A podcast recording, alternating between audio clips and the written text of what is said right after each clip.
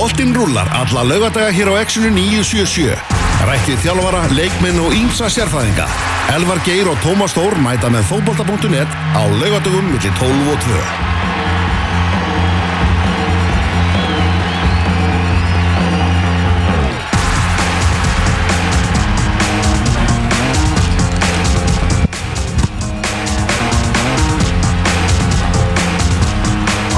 Góðan og eh, gleðilegan laugar daginn, það er útastátturinn fókbóti.net sem hilsar hér á X-inu 977, Elvar Geir og Tómas Þór með ykkur til klukkan 2 í dag. Og það verður tvískiptur þáttur á þessu sinni.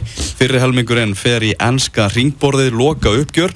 Og svo setni helmingurinn í Pepsi-deltina þar sem við ætlum að gera upp uh, fjóruðu umferðina. Gretar Sigfinnur Sigurðarsson kemur hérna til okkar setni klukkutíman en í þeim fyrri Ennska ringborðið, við ætlum að hita upp fyrir byggarústaleg Manchester United og Chelsea í dag. Við ætlum að hita upp fyrir úslítaleg meistaradeildar Evrópu sem verður eftir viku í kænugarði. Og eh, einnig ætla gestur okkar okkar góðkunningar sem eru mættir hérna í gasklifan Kristján Alli og Tryggvi Páll að ofinbera úrvarslið tímabilsins í ennska boltanum. Það er mikið stuð framönda Hvernig leggst þetta í þig, Thomas? Ég hef ekki tími í þetta, ég er að horfa á brúðköpið Já, og það er ekki hátæðisleikur í ennska á skjánum hjá okkur núna. Það er brúðkaupið sem er hérna í gangi í gasljóðanum. Becca mættur, Serena Williams mætt, þannig að Sköllóttir prinsinu mættur og Queen of the Queens, það er allt að gera þess maður. Er, er Benny Bóas ekki útsendari þáttarins á staðnum? Köttar hann ekki inn inn Ó, við föttum það ekki maður. Þetta rátt okkur vita fyrir. En það er spurt í gæð, þá var hann að klálega með updates frá, frá The Royal Wedding. Mm, Vinstalasti fjölmiðlamæður landsins. Já, sérstaklega við íslenska landsleginu. Já, sérstaklega þeim. Heyrðu, ef við ekki bara byrja þetta, við ætlum að byrja þetta á... Þú veit, er þið búið að gifta þér núna? Nú er að labba eitthvað í burtu. Er, er hestvagnin að býða fyrir utan það? Við fylg, munum fylgjast með brúðkaupinu líka, svona meðfram því að við gerum upp uh, ennska boltan. Ég held að þú sagði að vera ennska ringborðu, þá verði ég að við ekki, en ég held að við erum að fara að fylgja eftir brúðkaupinu, sko. En já, já. Svo er þetta frábært útvarp, sko. Já, Já, þú þarfst að kalla það breska ringborði. Já, það er góð búndur, góð Mjög búndur. góða punktir. Erum við ætlum að hefja leik á Manchester United, Tryggvi. Við ætlum bara að ræða aðeins tímabili á þeim, þennan úrslitaleg sem er að fara í dag uh, á móti Chelsea. Segjum sem svo að Manchester United vinni þennan úrslitaleg. Hvernig mat er hægt að leggja á þetta tímabil hjá United? Það er bara svona sjö, kannski, sjö að tíu. Mm? Slegja verið upp í sjöuna. Það myndi ég halda. Þetta er svona ágættis, ágættis leitis enda tímabili með byggar. Það er alltaf, alltaf, alltaf gott. Um, þetta hefur svolítið verið svolítið skrítið tímabili og eins að eins og Kristján allir sagði þetta í þáttinn þá er einhvern veginn engin ánægð með þetta tímabili en samt hefur liðið samt tekið ákveðum framförum að að kosti frá því að Ferguson hætti og með hvað þessi fjög tímabili sem eru liðin síðan það var sko, ég menn allir er að nokkuð öruglega í öðru sætinu þó að það sé náttúrulega engin árangur. En samt er liðið að það er að bæta stiga, það eru ekki fengið jafnmjög stig frá því að Ferguson hætti, 81 stig uh, bæti stig um 12 stig frá síðast tímabili þannig að það er svona ýmislegt sem er alveg jákvætt Það þú ert ósamála gæjanum hérna sem að tók uh, rant sögunar. Don't tell me there's fucking progress. Já, hann hefði alveg eh, sitt gott til síns mál sko þá hann hefði kannski komið, komið ég myndi ekki koma í áleiðis á, á, á svipan hátt á hann Eh, hérna Nei, sko við United með náttúrulega annars þetta er náttúrulega, er ekki nárangur þetta er ekki til þess að monta sig af sko þetta er ekki til þess að stæra sig af sko En sko, annarsæti í barátum titilinn er, þú veist... Það er eitthvað. Það er eitthvað. Samt ekki, en það er minnst eitthvað smá sko. Já, en 19 stigum á eftir sitt í út í 16 lúslutum meistardeldarinn að tapa fyrir öllum nýlegunum í, í fyrsta sinn í sögun eða eitthvað. Það er rosalega margt vond, sko. Já, margt vond og hérna Og líka þetta er City, sko. Þetta er, þetta er liðið sem er borg sem er að rúlla yfir þetta, sko. og hérna það er sko mitt vonbreiðin hafa ekki, af því að eins og tímbili byrjaði þá, þetta fyrstu kannski fyrsta mánuðin eða eitthvað svo, var þetta svona tildulega jæmt sko, en svo einhvern veginn uh, gefur sitt í byrja í og það er einmitt vonbreið að hérna, hafi ekki náða að fylgja þeim neitt á eftir það er uh, hérna, mjög slemt og, og hérna, þetta er náttúrulega svolítið skrítið Þú fyrst að myndist á að tapa gegn uh, nýliðum og, og botliðinum og í fyrra á síðustímbili þá þeim gekk okkur mjög vel á móti þeim liðum en, en bölvanlega á móti stóruliðum svo snýst þetta við núna sem er svolítið, ske- svolítið spes sko. Mm. gengur mjög vel á móti stóruliðunum þannig að það er svona þú veist, við tökum kannski tvö skrif áfram en alltaf eitt aftur á bakk Ah. Ef, ef þú gefur sjö, ef að United vinnur leikin í dag, hvaða engun fær tímabili á United ef að, ef að leikunum tapast? Bara fimmu, eitthvað svona, svona rétt slefar hérna, Það hlýtur að vera fjóri, það hlýtur að vera fall. Na, þetta er svona kannski réttlega falli af því að það, það, það, það er á- á- alveg ákveðin svona batamerki sko, uh, uh, hérna, þannig að þetta er svona réttlega falli sko. En það er, það, það er það er þetta meistrar þetta hérna, fíasko sem litar rosalega held í skoðanum margra á Já.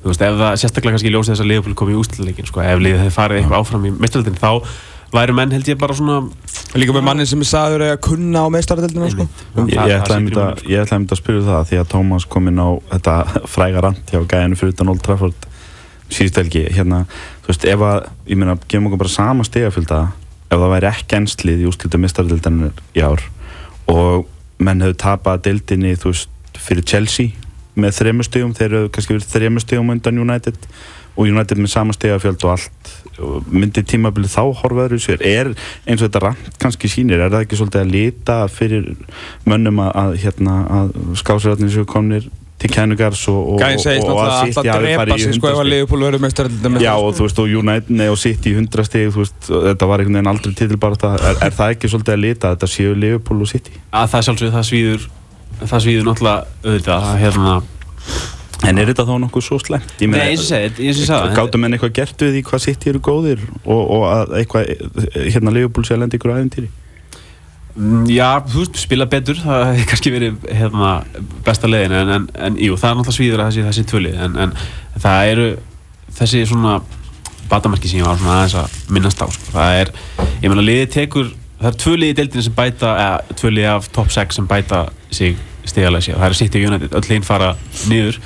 Og þú veist, ég meina Chelsea, Arsenal, Tottenham öll stig voru langt á undan hérna, United stigafjöld á síðast tímbili en United tekur fram á þeim. Og ég var svolítið pyrraður yfir þessum síðustu tveim leikjum að liðið skildi ekki ná í sigur þar vegna þess að þá hefði liðið verið í 86 stigum sko, og þá hefði getað komið og sagt sko, 86 stig, vennileg tímbil, það er titill sko. Mm. Já bara í öll nema fjóðskipti eða eitthvað Umröðan er, hún er, hún er eiginlega miklu neikvæðri en hún þarf að vera. Auðvitað kannski lítast hún af því að spílamennska liðsins er á köplum oft svona ekki sérstaklega fallega og skemmtilega að horfa sko, en þú veist, ef við horfum á mælikvarða sem skipta máli sem eru stíginn og, og annað, þá, þú veist, þá er, þetta er þetta, þetta er að nálgast eitthvað sem er kannski hægt að flokkast sem eitthvað sem þú veist, ásættilegt En síðan er svo margt líka sem er að gera svona, veist, kannski utanallar eins og þetta vera að drepa fyrirlinn, þú veist, er hann gæsalaba hjá Rashford þannig og þú veist, mann alltaf, just United menn voru, þú veist, gæti alltaf hort í það, þarna var komin, þú veist, annar uppalinn, eh, þú veist, frá, frábær leikmaður alltaf sem að getur hæglega startað í þessu liðu og þá er,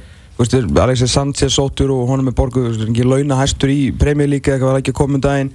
Uh, veist, og er ekkert sérstækur púst Pogba upp og niður snýst svo mikið um hann út af kaupurinn og það er svona rosalega mikið af narratífum sem að United þarf að glíma og Mourinho líka. Já, algjörlega og hérna, þetta er sko, ef maður horfður til þeim svo klopp og liðból það var svolítið svona ástu fyrstu sín svona einhvern veginn hjónaband sem bara virkar en, en hjónaband Mourinho og, og, og hérna United, þetta er svona, svona, svona marriage of convenience svona, þú veist, eins og í Indlandi þar sem er svona uh, fólk er bara, heyrðu, þú átt að giftast honum Já. og, ástin kemur setna Já, sex kindur og kona og bara allir verið. við erum svona það að vinna okkur í að að- að þetta verða einhverju, einhverju ástarsambandi hérna, uh, sko Rashford, já, hann hann hefur spilað held líka leikjum, kannski ekki alveg að marga mínútur og þess að leikir, leikir sína og hann hefur kannski ekki alveg hjálpað sjálfum sér. Því að það eru svona, svona moment í leikjum sem hann hérna einhvern veginn Mourinho verið svona einblína á eins og til dæmis á á móti Vestham þá sem hann einhvern veginn hætti við að gefa á Martial í, í döðafæri líka á móti Leicester sem fór 2-2 fyrir á tímbilinu þá einhvern veginn hættir hann við að fara skindisók sem hefði vantalega tryggt United endalega sigurinn. Uh, en í vorkinni honum og kannski Martial og, og Sjó á einhver leiti vegna þess að hérna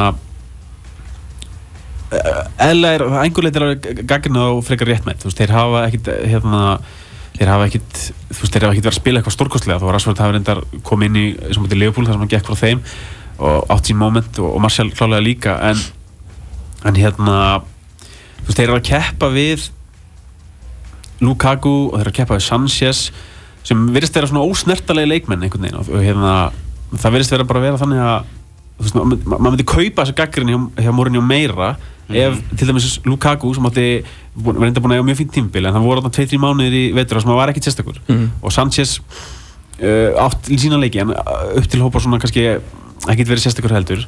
Veist, þeir sleppa alveg við alla gaggrinni þannig að það væri, maður myndi kaupa gaggrinni og þá hinn og tvo ungul ef það myndi líka virka á, þú veist, saman myndi gilda um hinn og tvo sem eru svona fastir liðir í, í, í, í liðinu þannig að ég skilda svona finnst það svolítið ósækjart gagnið á köfnum sko. Og þessum með Lukaku, veist, 16 mörk í deildinni, ég veit hann átti náttúrulega líka alveg reyndar stóðsendingar og allt það, sko, og náttúrulega kom í ljós að hann er bara eitthvað besti krossar í, í bransanum hann er klálega besti krossan sem er reyndar, sem er skemmtilegt, en þú veist, 16 mörk frá honum, veist, til að setja í, í, í sko, samræmi við eitthvað 14 mörk frá, Lacazette sem að var í einhverju þrótaðast arsenali söguna, sko.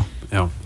Eh, Sko Lukaku náttúrulega byrjaði tímbilum mjög vel en svo kemur þessi kannski 3-4 mánuðir sem hann dettur niður en hann kom mjög sterkur inn á setinhauðu tímbilins og var að mínum að þið besti leikmaður United uh, undir lokin og hann bætti leik sér mjög mikið hann einhvern veginn uh, var svona, svona fatta hvernig Mourinho vildi að hann myndi spila en hann svolítið líður fyrir það náttúrulega að sóknuleikurinn er ekkert eitthvað það er ekki, þú veist, menn vaði ekki beint í færum hann að það er ekki verið að skapa mjög mikið fyrir hann liðið er ekki með neitt krossara nema hann sjálfan og ekki getur hann gefið á sjálfan sig í teiknum þannig að það, það, þú veist, það Og bara Pétur Jóhann sem gæti það í.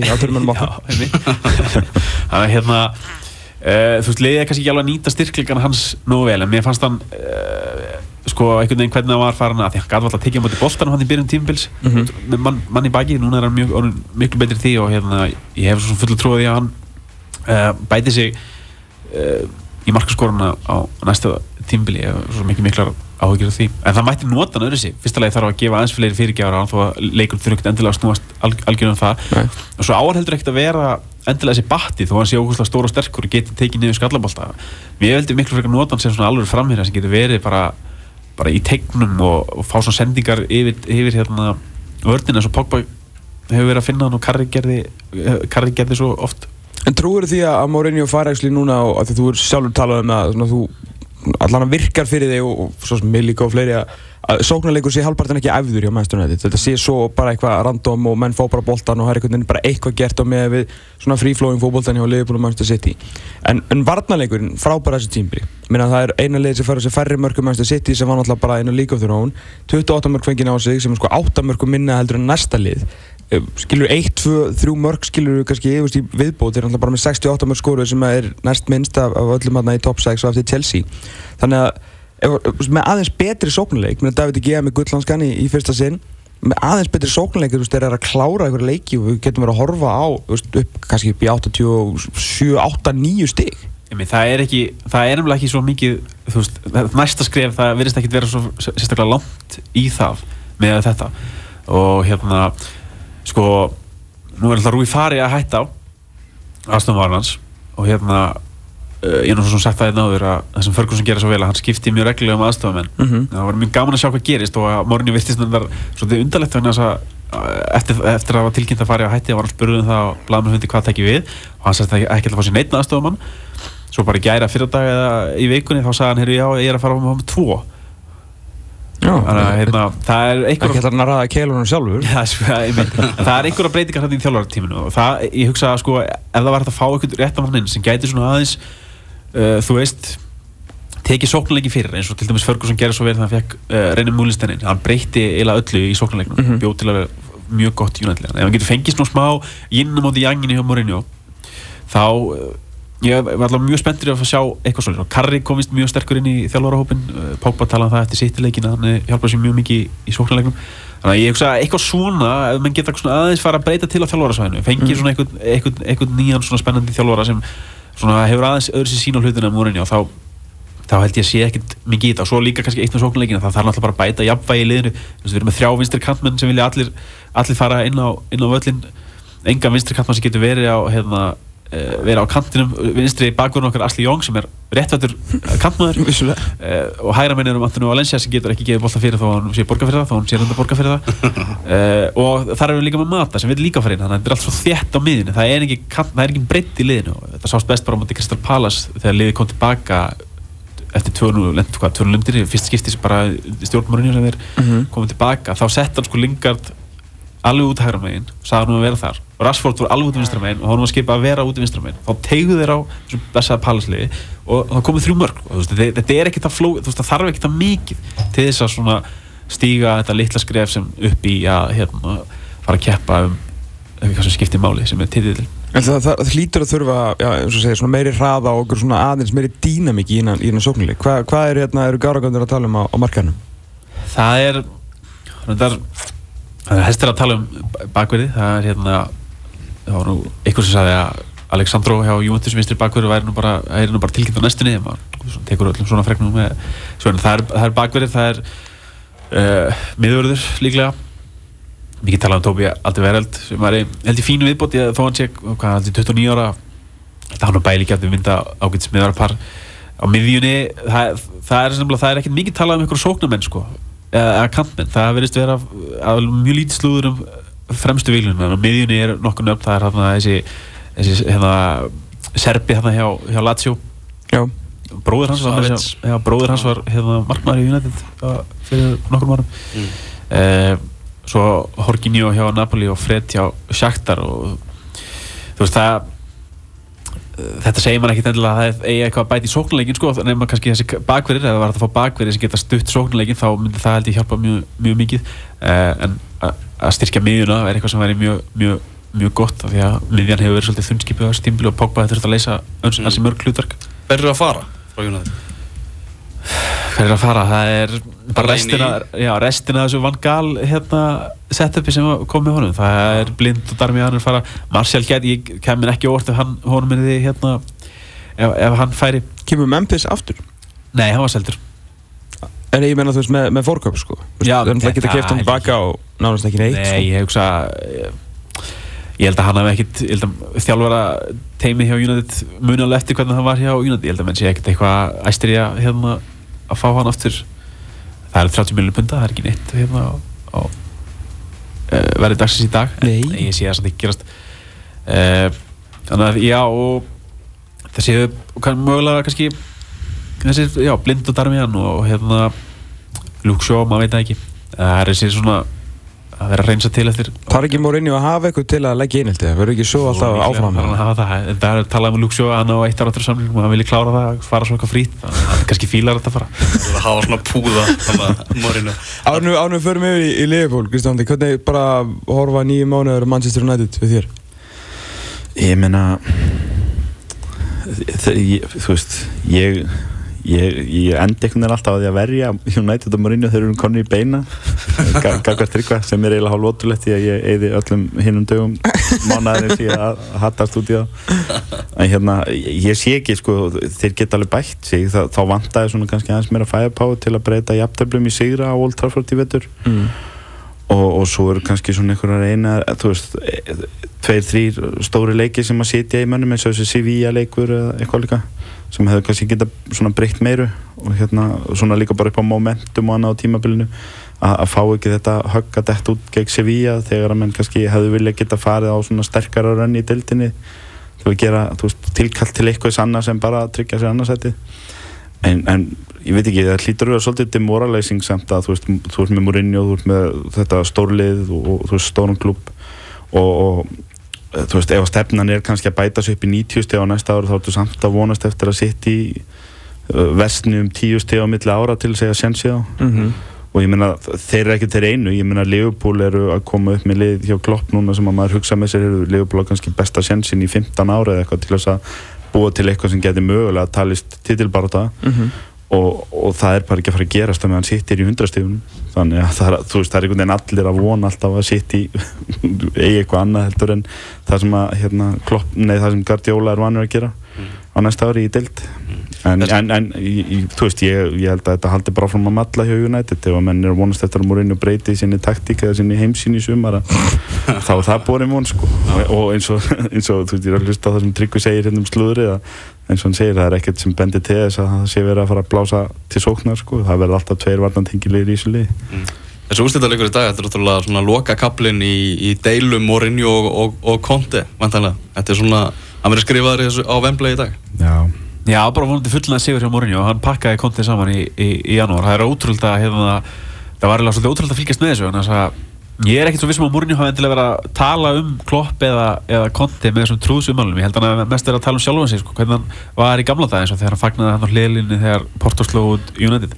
Svo er náttúrulega Conte spurður út í þetta á blagamannafundi og hann einhvern veginn fellur í gildruna og bara brjálast einhvern veginn. Já. og hérna Klopp, fekk, Klopp var líka spurður. Já. og hann bara veifaði þessu frá sig það er bara munurinn á mönnum. Sko. Mhm. þá ertu allt í hennu komið með eitthvað rivalry sem að var ekki á milli Klopp og Mourinho bara því að Klopp hafi vitað að það falli ekki gildurna og þá, þá byrjaði þetta, þá náttúrulega fyrir morinu bara, ég leik áður og bara pakkar hann saman, en Chelsea var í, ég held að það var í öðru seti þegar, þegar, hérna, þegar þetta fór alltaf stað Og núna þeir sko á í Európa-deltina Akkurát, þeir gjörsamlega hrundu eftir þetta sko. Ég meina, eru ekki allir pottitir á því að þrátt fyrir að Chelsea myndi vinna leikin í dag þá myndi bara Conte taka Van Gala á þetta bara kveðja með FA Cup? Jú, alltaf ekki. Mm. Sást líka bara svo sem á restina tímpunum eins og þeir áttu alveg, þú veist, þeir gerðu svona mínið að to- hérna Tottenham og Liverpool þessu fjórðarsæti og voru í rauninni alveg í ágæti sjens þannig sé að anda ansi hressilega í voru bara í og- mjög fínum einmitt, og svo bara einhvern veginn glutraðir sjálfur niður sko. það bendir mjög margt til þess að konti sé einhvern veginn bara fara svo stundina Þetta snýst kannski alltaf um veist, sambönd á milli konti og yfirmanna sinna og eitthvað svona leis en, en ég meina maður verður samt einhvern veginn að spyrja sig veist, þetta, Antonio Conti er eitthvað örugt betra á markanum fyrir Chelsea þurfa, þurfa þeir bara alltaf að skipta um skópar á hverju voru er svarið er náttúrulega er nei af en það er þessum, svona top sko. 6 klubum þá er þetta ótrúlega skrítið að þeir bara, þú veist, þá bara klæjar í fingurna að gera þetta annarkvært ár og þú veist, við vorum að grínast hérna fyrir ári og í haust en það er samt, þú veist, þetta var samt eiginlega ekki grín okkur, við vissum alveg að þetta myndi gerast. Um leið og menn tapa tveimur röðu eitthvað, þá, þá eru menn, og menn er búin að tala núna eins og þetta sé bara eitthvað, þú veist, klartmál í halvt tímabil, bara síðan mjólin bara eitthvað, já, konti fyrir vor, þannig að þetta er bara spurning hvað er enda á þennan þú veist, hvað er frétta, ég meina eh, Guardiola var ekkert eitthvað glæstur með City á síðast ári og ég meina, þú veist, og Mourinho var ekkert sáttur við síðast ári deildinni hjá, hjá United og, Nei, sko og þar, þar var það Evropadeilda sigurinn sem bjargaði að menn fóru í mistardildin þannig að þú veist þa þa það er ekkert óhugsandi Antoni Conte sem að vann deildina í fyrra rífið þetta upp og vinnur kannski byggarinn í dag rífið þetta upp og verða aftur í toppáráttu með þetta liða næsta ári Ástand- þú veist, akkur þurfa er alltaf að tói gikkin og, vegna þess að virka fyrir það, þeir eru vinna titilin annarkvært ár og hérna, hvað, mestrildurinn 2012 Já, en þeir eru búin að breyta um taktík núna. Maður sér á leikmannaköpunum hjá Chelsea undanfæri náru og annað slíkt að þeir eru ekki lengur að keppa svona um bestu bitan á markanum þeir eru ekki að reyna að þú veist, setja þessi launamet eða, eða, eða leikmann upphæð með. Það kannski breytist í sumar, maður sé til en, en, en það og menn er að reyna að byggja þar held ég upp eitthvað skona svona, þú veist, kultúr, eitthvað skona langtíma hugsun. Og, og, og þá verða menn að endan með að breyta þessu líka. Sjáum Þú til ert með mann sem er sérfræðingur í að vinna dildir hérna í Antonio Conte þó svo þetta hafi verið liðl tímbili á hann Við verðum að fara að vinda okkur í, í Liverpool, Kristján Halli Já, Þeir eru náttúrulega Liverpool-turismenn, þeir eru í, ble- á bleikum skýjum þessa, þessa dagana en það framöndan úrslitaleikum meistaradildar Evrópu á móti Real Madrid eftir, eftir viku. Þetta er rosalega fallegu tími sko hérna, Varst ekki þú sem sagði þetta í þessu þætti þegar, og- þegar, þegar Liverpool fór áfram bara hver alltaf að veðja á móti Liverpool þegar kom Jú, þeir í útsláttakjapni í meistaradildinni þetta var ekkert örugt að þetta myndi gerast Nei, nei. En, en þetta var alltaf eitthvað sem gat gerst Þa, Mhm. þú veist, ef einhver þú veist, og menn tölu um það þegar Leopold dróst á móti City að það voru alveg sterkari lið eftir í keppninni sem að City hefði getað fengið heldur en Liverpool. En menn töluðu samt um það að það væri samt svona, þú veist, ákveðin svona þingsli yfir þessum drætti hjá City-mönnum því að þeir vissu, þú veist ekki, ekki aðeins voru, voru Leopold nýbúinir að vinna á í deildinni. Fyrsta liði sem gerði það í vettur í öllum keppnum heldur heldur bara líka þú veist að, að, að hérna, þú veist, Liverpool er kannski sitt í myndu kannski hugsa, herðu, við svona kannski í sjö skipti, sjö af hverjum tíu skiptum að þá klára við Liverpool í, í, svona einvi en þegar að Liverpool hittir á hinn þrjú skiptin þá hefur ekki sjens og það er bara það sem gerðist. Og svo, þú veist, það gerist gegn Porto líka í sestarúslutum, það bara Liverpool átti dag í Porto. Sko, mér fannst Og 5-0. Porto-leikurinn eiginlega mesta, það var eina skiptið í þessar meistaradeild eftir, ekki, í- eftir í útláttakefni sem ég hef verið svona að þarna getur þau klikað, eitthvað svona 0-1-1 úti og eitthvað svona Já. sko, mér fannst þetta eftir að komast í gegnum það veist, ég sagði hérna við alla sem vildu að heyra að þau myndu vinna sitt í og það er léttilega Já, ég var bara undarlega bjartur fyrir það einvi og svo Ég- kom þetta ég- Róma Já, það- ég hafa náttúrulega bara gefið að hafa sko rúst Já, sko, það er þessi tendens ennþá hjá Liverpool til að gera sér hlutin alltaf erfitt. Þeir þurfa alltaf einhvern veginn að byggja upp fórskot. Þeir, þeir eru hér inn í sögun, sko. Þeir þurfa alltaf að stinga Já, og leggja sér svo. Og hérna, og, og þeir gerðu það til dæmis gegn Róma, þú veist að, að hérna, menn, þú veist, eru með, menn, eru með unni einvi eftir 75 mindur anfyllt, 5-0. mm. og fara svo bara, hann tekur sala út af og restina liðin hættir að spila, búm, tvö mörg og þá þurfum við alltaf inn að fara með eitthvað hugafæri í Róma í staðin fyrir að lifa Danny Ings bara að spila þann leik og, sko. og hérna og, og, en í Róma þú veist, þá náttúrulega, þú veist, þar fara menn líka og gera sér þetta einhvern veginn eins erfitt og þeir geta. Mm. en klárað á endanum hafa nú ekki mikill afgangur að því samt. Ótrúlega að það hefði orðið einhver einví Já, Einmitt. úr, úr 5-0 stöð eftir 75 minútur í, í það sko, ef að sá leikur hefur 5 minútur lengri þá held ég að Róma hefur jafnað þetta. Alveg ágríns, en, en ég meina mennur konnir þangað sem eru konnir og, og, og nú segjum við bara það sama og alltaf þú veist, í sjö af tíu skiptum þá vinnur Real Madrid Liverpool í úrslitum því að þeir eru með einn af tveimur leikmönnum í heiminum sem að getur litið niður á Mo Salah í dag. Mhm.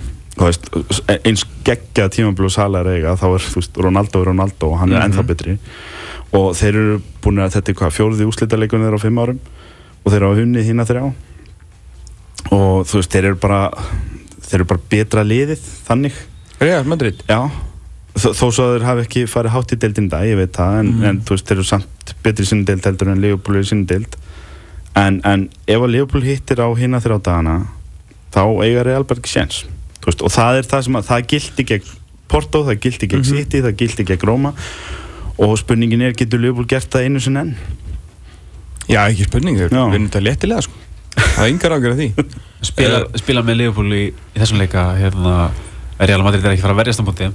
Nei, það er, það er mitt svona mín pælingi svo, ef þeir að fara í fótbolta móti, móti Liverpool Já. og þetta verður bara skemmtileg leikur Það er sem mark, algjörlega markasúpa og svona 40-27 Liverpool er bara og, og bæði Liverpool klopp og sko þetta snýst ekkert um einhverja svona brjálun og hliðalínu eitthvað, klopp hugsa bara þannig sem stjóri.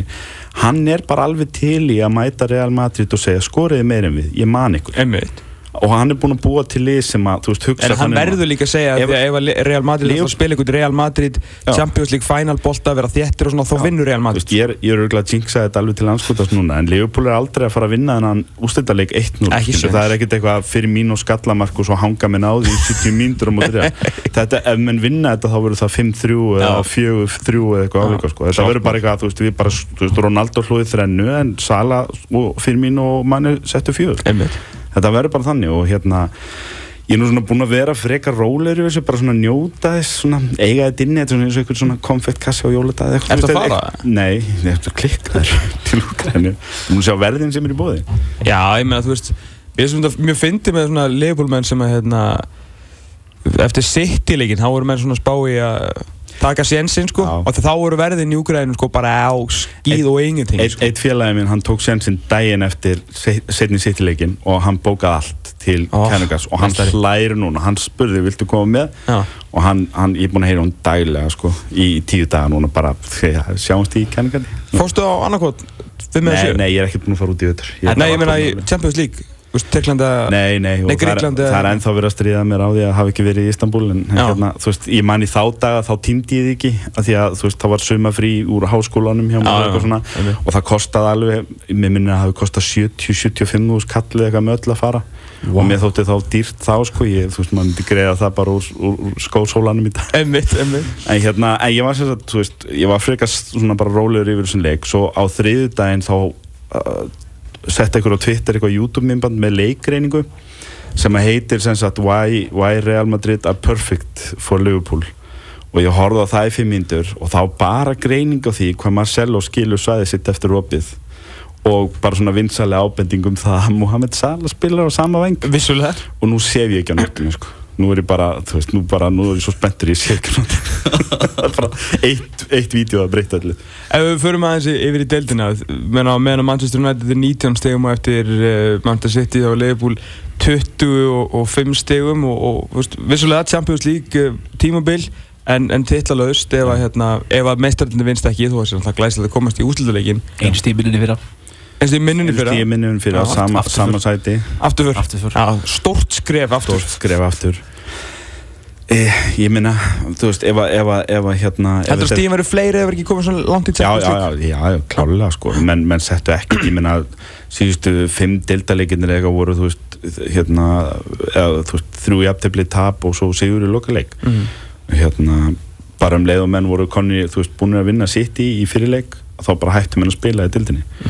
Og hérna tók eitthvað 0-0 á móti Everton á milli City-leikja og, hérna, og síðan þá þá hafa bara þú veist Danny Ings og Dominic Solanki og, og Al Alberto Moreno og einhverju verið að fá að spila sko, og hérna í deildinni. En, en það breyti því ekki að það er bara svona kannski ákveðin varna sigur út af fyrir sig hjá Klopp að klára mistaradölda sæti aftur. Þetta er í, sko, í fyrsta sinn í rúman áratug sem að Liverpool klára back to back mistaradöldar sæti í deildinni. Já. tvö ára röð. Þannig að það í sjálfur sér er frábært og að gera það á meðan menn er að fara í úslit í mistardeld ég meina það er bara geggjaðu að því að við og svona ef við setjum í samingi það þarf alltaf að vera eitthvað samingi á Leopold hann er alltaf eitthvað sem gengur á. Og hérna samhengið í ári klálega það þeir fengi ekki valkosti nummer 1 og 2 á leikmannmarkanum Klopp er ekkert mikið að kaupa marga leikmenn en hann ætlaði að fá Nabi Keita og Van Dijk síðasta sumar. Og Keita er núna loksins að koma eftir mánuð. Van Dijk kom ekki fyrir í janúar. Mistu Coutinho í janúar og ákvaða að kaupa ekkert í staðinn. Klopp eins og við höfum talað um, hann vinnur bara þannig hann býður bara frekar en að fara að kaupa eitthvað. Og hérna þú veist, ég held að enginn hefði veðja á þetta nema kannski leikmyndin sjálfur í janúar þegar að, þú veist, Coutinho fór og hysterían var sem mest í kringu það er væri ekki að kaupa leikmenn að þá getur fara allavega úslit í Európu og, og náð mestardilda sæti í deildinni á sama tíma. Þannig að, og, og ég meina svo náttúrulega lenda minn í hálfgerri meðslakrísu í, í vor, ég meina þetta er orðið það slæmt að bara þeir sem eru heilir eru sjálfvaldir í byrjunarlið á móti real. Menn vita núna hvernig byrjunarlið lítur út eins lengi og allir geta staðið lappinnar og hérna þannig að þú veist ég held að, ég held að klopp í, þó svo að auðvitað viljum við meira heldur um fjörða sæti í deild að þá veist, klopp hefði bara ekkert geta gert betur í vetur með allt sem gekk á að ná back to back mestarildasæti í fyrsta sinni rúman áratug og þriði áslítaleikin sinn á réttrumlega tveimur og halvu tímabili með Leopold og er bara, þú veist, við hefðum ekki getað beðið meira frá hann, það eina sem hann eftir að svara er þessi spurning sem við höfum komið nokkur sem minn á hérna er það, hann er, hann er svolítið þekktur hérna, sem brúðamærin, hann hefur tapað svo mörgum jú, og hann á það svolítið eftir ballaklefilið þar bara. Hann alltaf, þú veist, hinn er tveir sem hann fór í með Leopold tapaðan í, reyndar í vítasmunni keppni deildabíkarnum á móti City fyrir tveimur árum. Mhm. og svo þessi ræðilegi sittni hálfleikur gegn Sevilla í Európa-deildinni fyrir tveimur árum. Hörkulið, sko. Já, Hérna. þannig að þú veist uh, það er, það er einhvern veginn, veist, ef að, ef að liði tapar á móti Real Madrid um næstu helgi, þá, þá held ég að veist, það er, veist, það er, það er engin að fara að panta einhverja domstóla á þetta fókbaltalið bara, hérna, kannski svekkjandi af átt Jensin og mista ánum allt það en spurningarna vera, s- þú veist, það, það verður spurt spurninga um, um Jürgen Klopp og, og, og hans svona getur til þess að svona koma sér yfir línuna. Já. það, og það, þú, þannig að hann er kannski undir meiri pressueldur en liðið.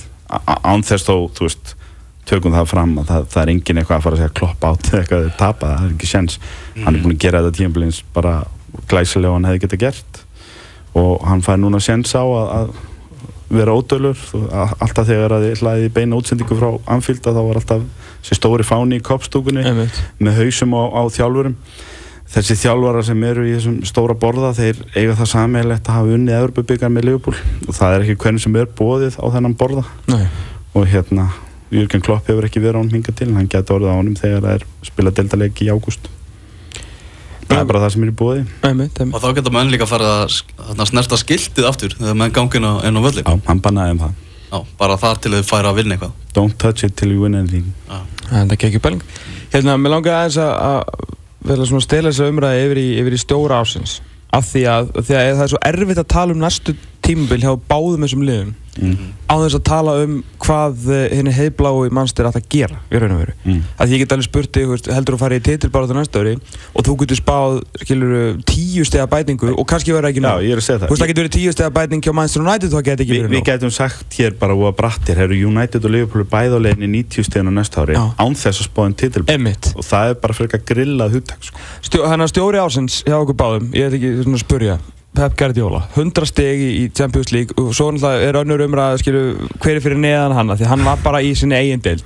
Þú veist, og þá náttúrulega gerði þetta henda því Mér finnst þetta að vera spurning, ég er ekkert sammálaði að hann sé stjóri ásend nefnilega. Jú, jú, 100 stegi Það er í sko- Premier League og 106 mörg sko, hann þarf náttúrulega ekki að ræða þetta ég, ég er svona tíja upp gólkúluna fyrir tryggva núna, ég veit hvað hann ætlar að Nei, segja. maður sé þess að umræða á, á Twitter Ég er ekkert endilega sammálinni um að hérna Ég veit, er hann ekki stjóra ásum sér fyrir Jú, Ok. Hérna en, Þetta sendur við Þetta er heim. Mei- þetta er meira svona, ok, hann fær það líka. Já, er meira, meira þannig heldur en eitthvað að menn sé að falla á hnén og, og tilbyggja Guardiola. Vissulega. En þetta er náttúrulega magna en þessi umræða er að, Vistu kosti á, á Twitter meðal svona betra stjórnismanna United helst sem er í Breitlandi og síðan þar að þeir eru að tala um bara "Já, ok, stjóri sem eitti hálfur miljón punta hann er allir núna stjóri ásins uh, en þú veist, og setur marka með stiga með með þessu stæl, það er bara ekkit annað í bóði sko, hann er stjóri ásins Sko, ég er búinn að vera að pæla þessi Guardiola í vikunni. Já, svona síðustu vikur. Sko, ég, þetta er ekki tilgáta, þetta er meira bara svona pæling. Sko, hann er náttúrulega núna búinn að vinna bara á vinna og vinna og vinna. Þú veist, fótið bæði munn hérna og, og hérna, þú veist, vinnu þar deildina og tvo byggara, veist, tvær tvennur og kemur svo hérna til City og veist, vinnur hérna deildabyggarinn, dú og allir vinnir og veist, pakkar þessari deild saman á öðru ári og bara frábært, stórkostlega afreg, sko, 100 stig í þessari deild. Og þetta vinna rosalega marga fótballleiki og veist, á kvöldu, vetrakvöldu í stók og allur pakkin, sko.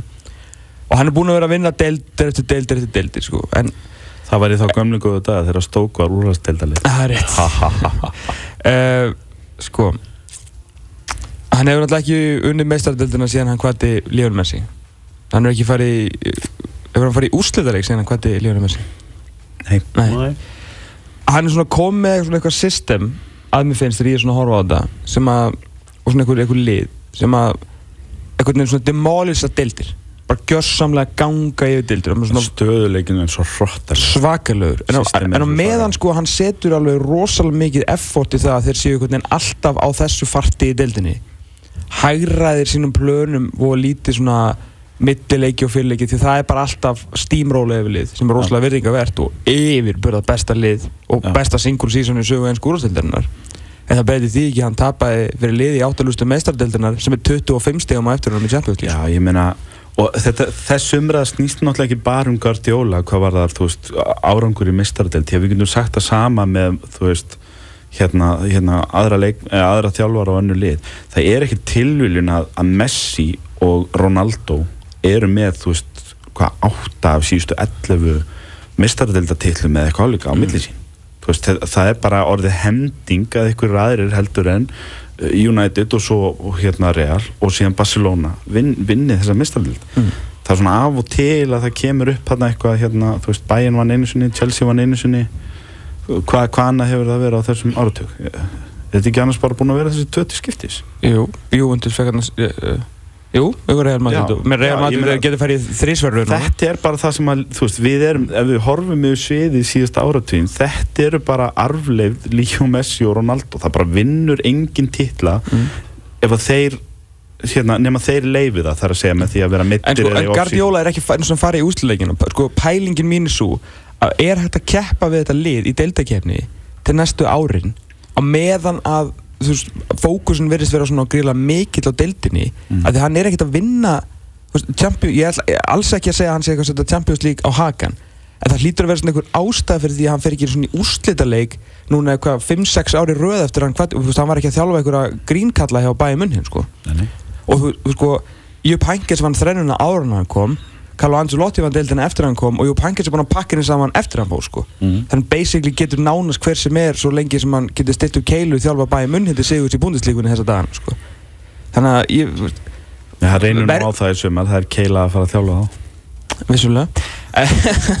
En er hérna en það sem ég meina, þú veist, er, er ykkur að fara að snerta sitt í þessari deild næsta árin sko? Menna, þú veist, en þó að þessi lið sé að fara að bæta Já, náttúrulega fylgt það er nefnilega máli, ég menn það, það lítar alltaf umræðin að þeir séu með 19 stig á liði öðru seti að, að þetta er alveg, þú veist, hróttalega þú þarf bæða að bæta þig og vona að þeir rinni en ég þess, liðin get ekkert hugsað henni, Mourinho getur ekkert þú veist, látið fallast hendur að því að sitt í svo, hann verður náttúrulega einbytt að segja því að sitt í sér markmið hann verður bara að segja við sig, segja, ég ætla bara í 90 stíðin ég ætla ekki að, ef sitt í dala niður í 90 stíg, Mm. þá vil Mourinho ekkert eiga þá samvinskun eftir ára að hafa þá látið það já, hjá líðast að, að, að grípa þá ekki þegar að gæsin gafst sko.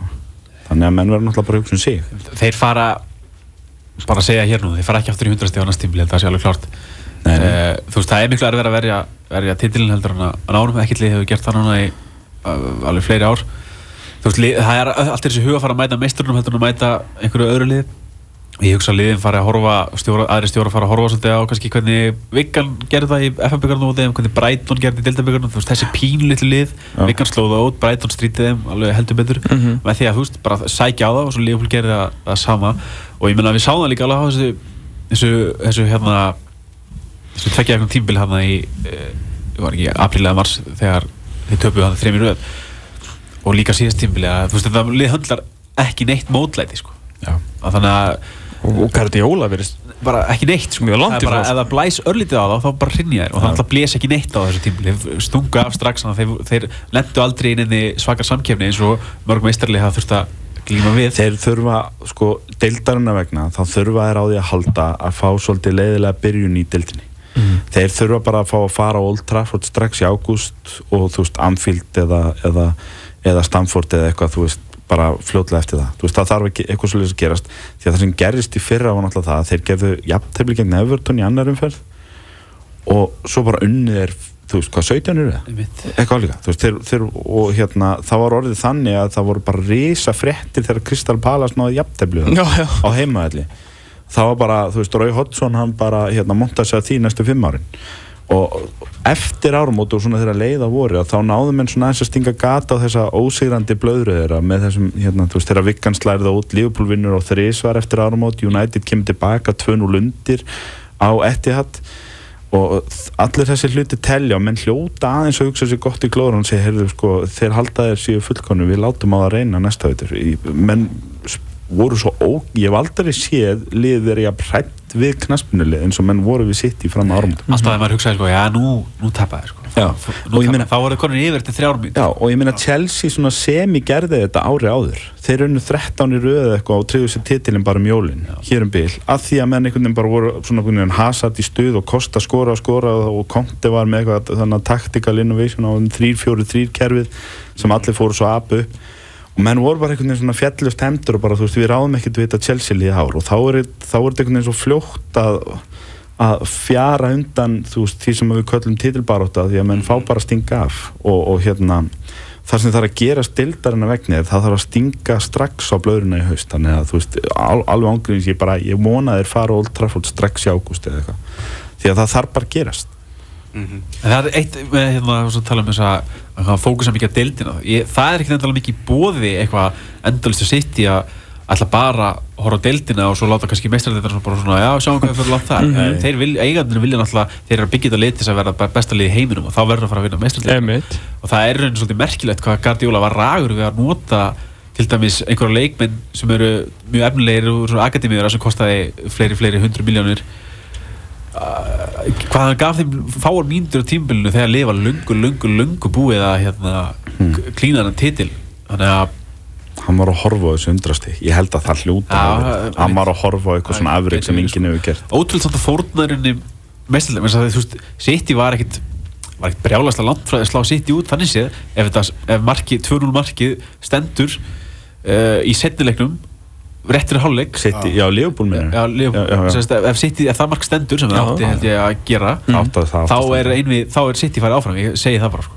þá er, þú veist, 2-0 í hálfleik þurfa eitt marki, tvö marki viðbútið eitthvað slúðis þeir fara, fara áfram sko. Þannig, þú, veist, það, þú veist, það var svo eh, ef hann er með betra svona, ef manager hópnum betur, ég menna það er svo það er ekki algengt að liða vinni mestrarlitina og titilina á Englandi hérna, á saman tímbili þetta ekki sitt, ég hún bara einlega sem gert það 2099 og- og 2008 og þá var Ferguson með alveg ótrúlega rotation kerfi, Já. sko, alveg rosalega ekki bara það, það er orðið alveg lúmst mjög erfitt að vinna þessa deild back to back líka. Já, það er bara orðið Það gerist ekki.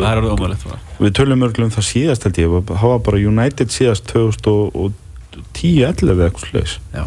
Sem að, ge- sem að vann deildina tvö röð. Það er ekki bara nýju þegar það er kláruð þrenna Eða fyrir ekki þrjú er, síðan hafa ekki gert það Já, sko. síðan hefur engin unnið hann að tvö röð. Menn einhvern veginn þurfa alltaf að taka off ári deildinni þar og eftir. Þannig að það er alveg, ég held að það sé alveg þú veist, þó svo þeir séu með 100 stíg og 90 stíg fórskot í vor að þá held ég menn hafa alveg geta alveg fundið ástæðir á þess að grafa mjög djúft til þess að segja þú veist, við, þú veist er Hvað hefur verið með yngri leikmönnum Manchester City á næst tímbili þegar gæti Jóla stefnina því að vera fyrsti maður síðan 2009 til að vinna alltaf tvöru Það fáður ekki sekundu sko. Nákvæmlega. Ég var að mynda okkur í velun afhendingu Já, gerir það, gerir það. Uh, Þú byrja á, á liði ásins eða?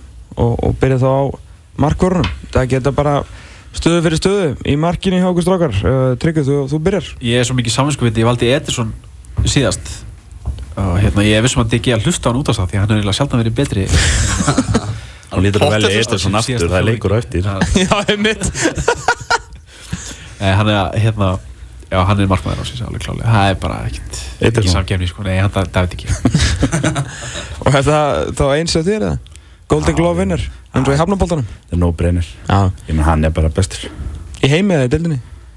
uh, Hann er sennilega bara bestur í heim í dag. Nóir er meittur, ég sé ekki hvað snertir hann í dag. Eh, Sko allavega hvað var þar Alltaf kannski tvær típur af markmannu þeir sem er á línu og svo sem fer af línu og svo er alltaf deilum, þú veist, er betri af því að hann spila leikinn og okkur Þetta er Jesus heilst eftir samt. Hann er hörku góður í fótum líka. Hann, Frábær. Hann sjópar vel. Allt, allt gerir að koma út á línu sko. Fyrir utan að vera besti shotstopper í heimi Þá gerir hann allt vel. Hann, hann er verið færi sem hann á enga rétt að taka. Nóir er kannski svona, þú veist, betri af línunni, betri svíper en hann og, og ég þarf að fá að sjá meira heldur en eitt season frá sem en Já, en, Gea bara einhvern veginn gera allt annað best. Hvað var þessi nýja takt, nei, nýja tölfræði hérna, X-goals, semst expected goals? Akkurat. Það var bara, þú veist ég, ég, ég bara svona aðeins að gíski eða ég man ekki nákvæmlega hvernig það var en þú veist, þeir fengu á sig uh, 28 mörg á tímbilinu og samkvæmt expected goals, þú veist, áttur að fá sig 38, þú veist, sem bara svona skot sem ég, annars enginn hefði varið. Og það var hann, hann, hann var eitthvað langastur á þessum lista, sko. Herru, varðanlína, hvað gerður þið í strákaminni? Fjóru, þrý, þrý, ég er bara klassi í gamla skólanum 442 Fyrir fyrir tveir, ok. Herru, varðanlínan? Tryggvi? Dröggi ég setti Kyle Walker í hæri bakverð mér fannst að einhvern veginn enginn að hafa einhvern veginn ska, skara fram úr þeirri stöðu og svo sem ekki heldur í vinstri bakverð á stöðunni. Þannig að þú veist, bara og City þurfti að hafa minnst kosti einn í varnalínu hjá mér held ég eftir þess að þeir voru alveg ágætti varnalega líka. Jú, jú Alltaf fram Klára. Klára og hérna, svo bara ég held ég bara börnlega í miður og Tarkovski og Mí það bara sangjast aðeins að reppa þá fyrst að Sean Dyke fekk ekki hérna stjóri ásins stórkostlega tímbil og þeir eru vantilega miklir líkil menni í þessu liði og er ekki Tarkovski nei hann fekk ekki fara á samt. Hann er í bakkubónum svekkjandi fyrir hann sko. Vissulega og svo setti ég Asli Jóngi vinstri bakverð aðalega því að það er engin vinstri bakverð skara fram úr fyrst mér. Og bara svona virðingavotti fyrir hann gamla hund sem er að koma einhvern veginn og fóttulegt hvað hann einhvern veginn náða að koma tilbaka. Ja. Kristján? Ég, ég var í sömu vandræði með bakverðina, ég var ekkert yfir mér hrifun á neinum bakverðum og, og svona þegar ég fór að hugsa tilbaka, maður er búin að vera að velja svona kannski í og með einhverja bakverði í fyrra líka sem að maður er ekkert yfir sér hrifun af en svona velja einhvern veginn það bestu en ég ákvað að vera ekkert að því núna. Ég setti þá bara Jan Fertongen í bakverð af því að þú veist, ég vildi bara koma öllum miðvörunum fyrir sem eiga skilja að vera aðna fyrir einhverju bak, krabbi bakverðir Já. Og hérna og James Tarkovski er í mínu liði. Og hérna og, og ég var mjög nálægt í að vera Harry Maguire líka. Og hérna hann, hann hefur verið góður en, en það verður að vera eitt frá þessu City, þessar City vörð sem fekk allá sem mörk í vittur þannig að Otamendi er hérna og svo set ég Marcos Alonso í vinstirbakkurinn og hérna já, það hérna ég ætla að fá að taka það fram mér Já. líður mjög illa yfir að fann það ekki ekki hérna og hann verður þarna eftir ár. Tryggvi, þú ert í fjóru fjórun tveimur. Hvernig, hvernig er fjóra manna miðjulínan hjá þér? hann er gríðalega sóknarsinu þannig að það re- reynir mikið á vartanlínu Störling og Sani á kantinum bara, þú veist, bestu kantmiðin í besta liðinu Sani laði ekki upp ykkur 15 mörk eða eitthvað og Störling Mhm. hérna laði upp eitthvað svipað hans minna og bætti sig að hellingi í markaskorun og svo Eriksen uh, á miðinni og De Bruyne þeir saman- sinna engungu sóknarhlutverki og engu vartanhlutverki Þetta er brúin, hvað er það að hugsa? En veit með hann, hann dalaði svolítið á hérna, restinni af, af tímbilinu, það var bara svo stórkostlegur hann fyrstu þrjá fjólunguna Það var ekki lélugur samt. Ég held að það var keirt of mikið á honum. Hann einhvern veginn var ekki jafn ofmannlegu sístu tómanu Mhm. Fjó, Fjóru því þrýr hjá þér Kristján, hver er á miðjunni? Hver er þrýr hérna? Eriksen er hérna Já, og hérna, og bara vel að því komin og De Bruyne er að sjálfsögða þarna. Og hérna, og svo vil ég David Silva sem að mér, þú veist, kannski fóra eins fram hjá mönnum held ég hvað hann hefur gengið í gegnum í vittur og bara að hafa spilað fáránlega vel og hann gerði með, með, með sitt hérna persónulega líf eins og það hefur verið kall greið, hann var nú að setja inn einhverja myndur um daginn og vera hérna að hleypa stráknum hans heima á sjúkrósi og, og hérna ég Er þetta eitthvað hálft ára? Smá- Já, að á- bara síðan í desember eða eitthvað. Þetta, þú veist, ég, ég skil ekki hvernig menn halda áfram að spila svona fáránlega vel. Mhm. Eins og hann gerði. Hann er eiginlega minn uppáðsleikmaður deildinni undanfarn ár og, líka einhvern veginn hvernig hann svona fekk svolítið nýtt hlutverk hjá City. Hann einhvern veginn varð miklu meira allega leikmaður var farin að sína vartalhutverki og var það var eins og, Gardi, já, það var eins og Guardiola fyndunum hlutverk í ár í kringum til brúinu sem hann gerði ekki endilega í fyrra. Þeir voru svolítið svona að trúa okkur örum tæri fyrra. Og, það, og báði leikmyndir einhvern veginn betri fyrir vikið Mm. og hann, hann var nú líka var ekkert verri eftir að hann byrjaði að skafa hausinn. Það er kannski hérna, skilabóð til ungra leikmanna að núti Vi, Sóknar vi, við erum alltaf, í, í, hérna, við erum alltaf til það við sem að reppum þá grúpu. Sóknarparið hjá þér, Tryggvi? Já, þetta er bara sjálfkjöri hérna, markastu leikmenn tveir, Sala og, og, og Kane. Sala er alltaf bara að vera stórkostlegur. Thomas var að tala hérna um expected goals uh, tölfræði, hann er að skora miklu fleiri mörg alveg svo Diggi er að verja uh, miklu meira en ætlast til hann og hafa Sala að skora meira en hægt er að búast við sko. Mhm. og, og Kane líka, hann skorar hellingi sko, en samt hérna svolítið spurningamerki við Kane á þessu tímbili einhvern veginn svona hugafæri hjá hann hvort hann ræður við þú veist, að vera svona þá skorur fullt af mörgum sko en, en Tottenham Eru lið- mann ennþá efast um Kane? Nei, ég, sko, ekki, ekki sem hæfileikan, bara svona hvort Ah. hann geti tekið skrefið upp í svona stærra liðan hann er einhvern veginn, hann var hrikalega ánægð með að vera markaðist í leikmaðurinn á síðasta kalendrári eitthvað eins og það sé einhverja merkilegt sko. Já, og, og, og, og líka hvernig hann virtist bara einhvern veginn fá á hann persónulega og þá var svona einhverju blað með nálægt tóttinam að fjalla um það í frettum og annað að hann væri bara í uppnámi yfir því sko hvað Leopoldmenn gerðu grínaði þegar að þeir hérna kerðu marki sem að var Já. eða eitthvað sem átti að skora mark og Einmitt hann fekk ah. það mark sem að síndi, þú veist, þá gæti hann ekkert lengur neita því sko hvað hann er að taka það nærri sér að Sala skuli skora meira Mhm. verðist líka að taka mjög inn að segja að ennska klassmyndisamandi gerði stólpa grínaðanum hérna eftir undanlásta leikina Já, hérna. hvað var það? Við komum bara að klippa myndband af smóling eitthvað að segja Ekki- hver er í ekki- vasan og þér? Kane? ekki, nema bara vona stjarnan ykkar fyrir HM í sumar. Best að gera þess lítið hérna. en allavega, nei, hann er samt alveg frábær leikmaður að öðru leyti, en það er svona smá spurningar kannski með, með hugafæri Ennska knaspunum sambandi er greinlega Team hann Það bara, með að segja Harry Kane þarf að Skýr víkja sko, við ætlum að var byggja okkar mannu svo, var hann ekki svona valin í háumhópinu smóling Nei, nákvæmlega Það, Sóknar það er einhver jakkaföti á knaspunum sambandinu brjálæri yfir því. Já. Eða einhver í samfélagsmíla gengju neður alltaf. Sóknartríóið þitt, Kristján? Já, hérna, ég er náttúrulega því ég er með þrjá frammi að þá, þú veist, ég er búin að vera að velja Sani þarna og ég er sammála að tryggva Sani og Störling, þú veist, ættu báður að vera í liða ætlaði En að því að ég er með þrjá frammeri þá ætlum ég bara að taka klopp á þetta og velja þrjá frammeri í liðið og ég gerir það sérstaklega og það mun allt koma í ljós eftir nokkra segundur akkur ég gerir það, það er að því að í mín lið eru náttúrulega Harry Kane og Mo Salah og í mín lið er líka Roberto Firmino Bobby. Sem að bara einfallega á skili að vera í lið ásins í ár. Rolls Royce leikmaður sem að gerði allt mm Mhm. kringu sér betra. Þar á meðal, þú veist, minni svefn og meldingu og, og þú veist, það er bara, ég elskan Heilsu bætandi hvítustu tennur í Európu, þetta er bara, þetta er minn maður allaveg. Algjörlega. Þannig að hann er, hann er raun og veru malt ekstra. Já, hann Bætir er og kætir og...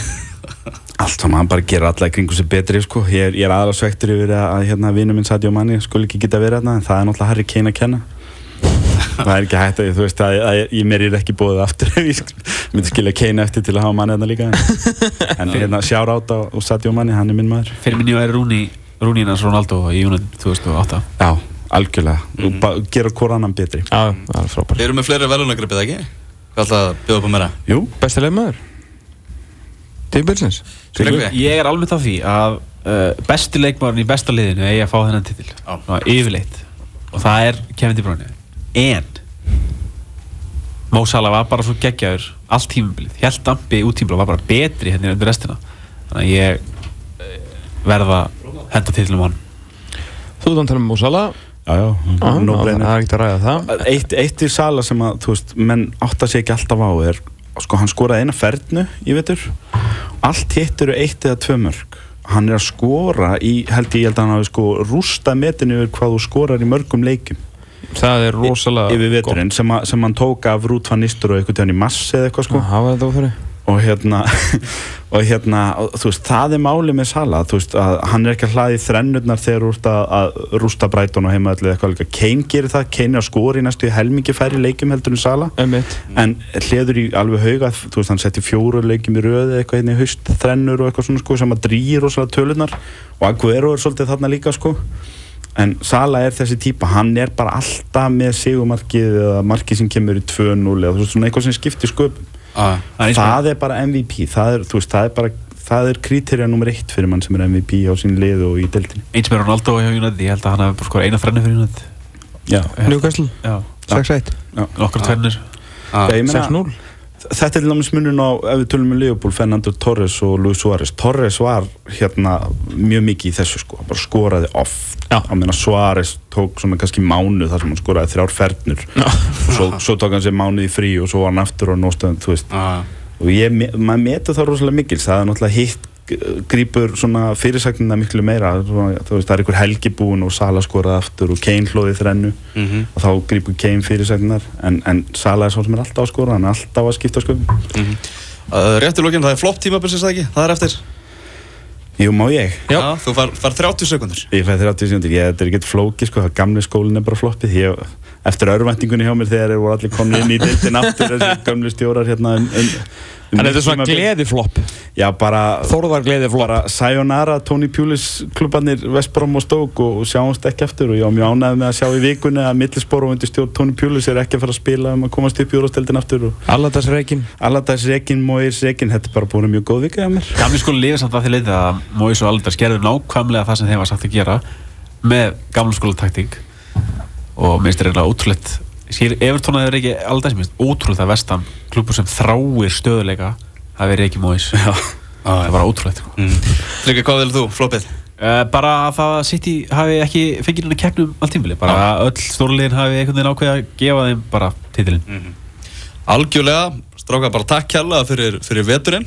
Svo þurfum við bara að fá eitthvað flugfélag sem spóns og, og höldum uppteknum hætti hérna í næsta, næsta Vi, vetur. vi, við erum með flugfélag sem spóns Þannig að Það er þetta rétt. Það er svolítið enga spóns hjá okkur en Það verður bara að taka hann að þátt upp á Akureyri framvegis. Nei, já, við getum líka farið þanga bara í helgaferð og hérna, hitt, hitt uh, tryggva, setja meir. Stráka, takk hjálpa fyrir, við erum búin indislegt að vera með ykkur, við bara hittust aftur í ágúst, cirka bát þegar þetta fer aftur á stað, hvað hérast mót, Það er eitthvað í, sem stýttist undir í júni í Rúslandi, staðislega Ragnarsson, hjálpa fyrir komuna, enn og aftur við ætlum að vinda okkar hvað í krossi er eftir augnablik og fara að tala um Pepsi-deltina í fótbolt.